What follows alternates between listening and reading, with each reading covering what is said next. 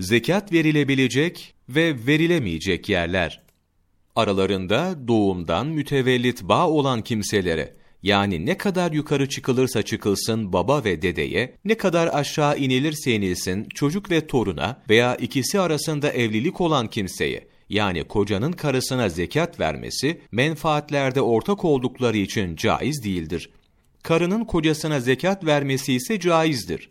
Zekatın zengine verilmesi caiz olmaz.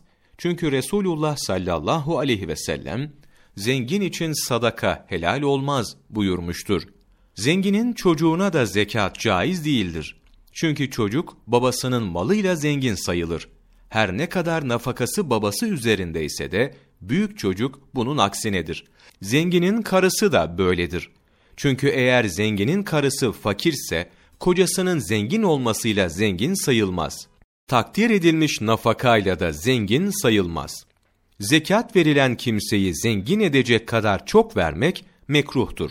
Zekat veren kimsenin zekatını yakını olmayan veya muhtaç olmayan için başka bir memlekete götürmesi mekruhtur. Çünkü o götürmede çevresinin hakkını yok etmek vardır. Yani şayet zekat veren kimse, zekatı yakınına ve kendi memleketi halkından daha muhtaç olan bir topluluğa götürse, o götürmede sıla rahim veya onda ihtiyacı gidermek daha çok olduğu için mekruh olmaz. Eğer onlardan başkasına götürürse, mekruh olmasına rağmen caizdir. Çünkü zekat verilen kimseler mutlak fukaradır. Fakire bir gün için onu dilenmekten kurtaracak kadar tasadduk menduptur. İçinde bulunduğu gün için yiyeceği olan kimsenin dilenmesi de helal değildir. Hayatta olan bir fakire ait bir borcun, kendi emri olmaksızın zekat malından ödenmesi caiz değildir.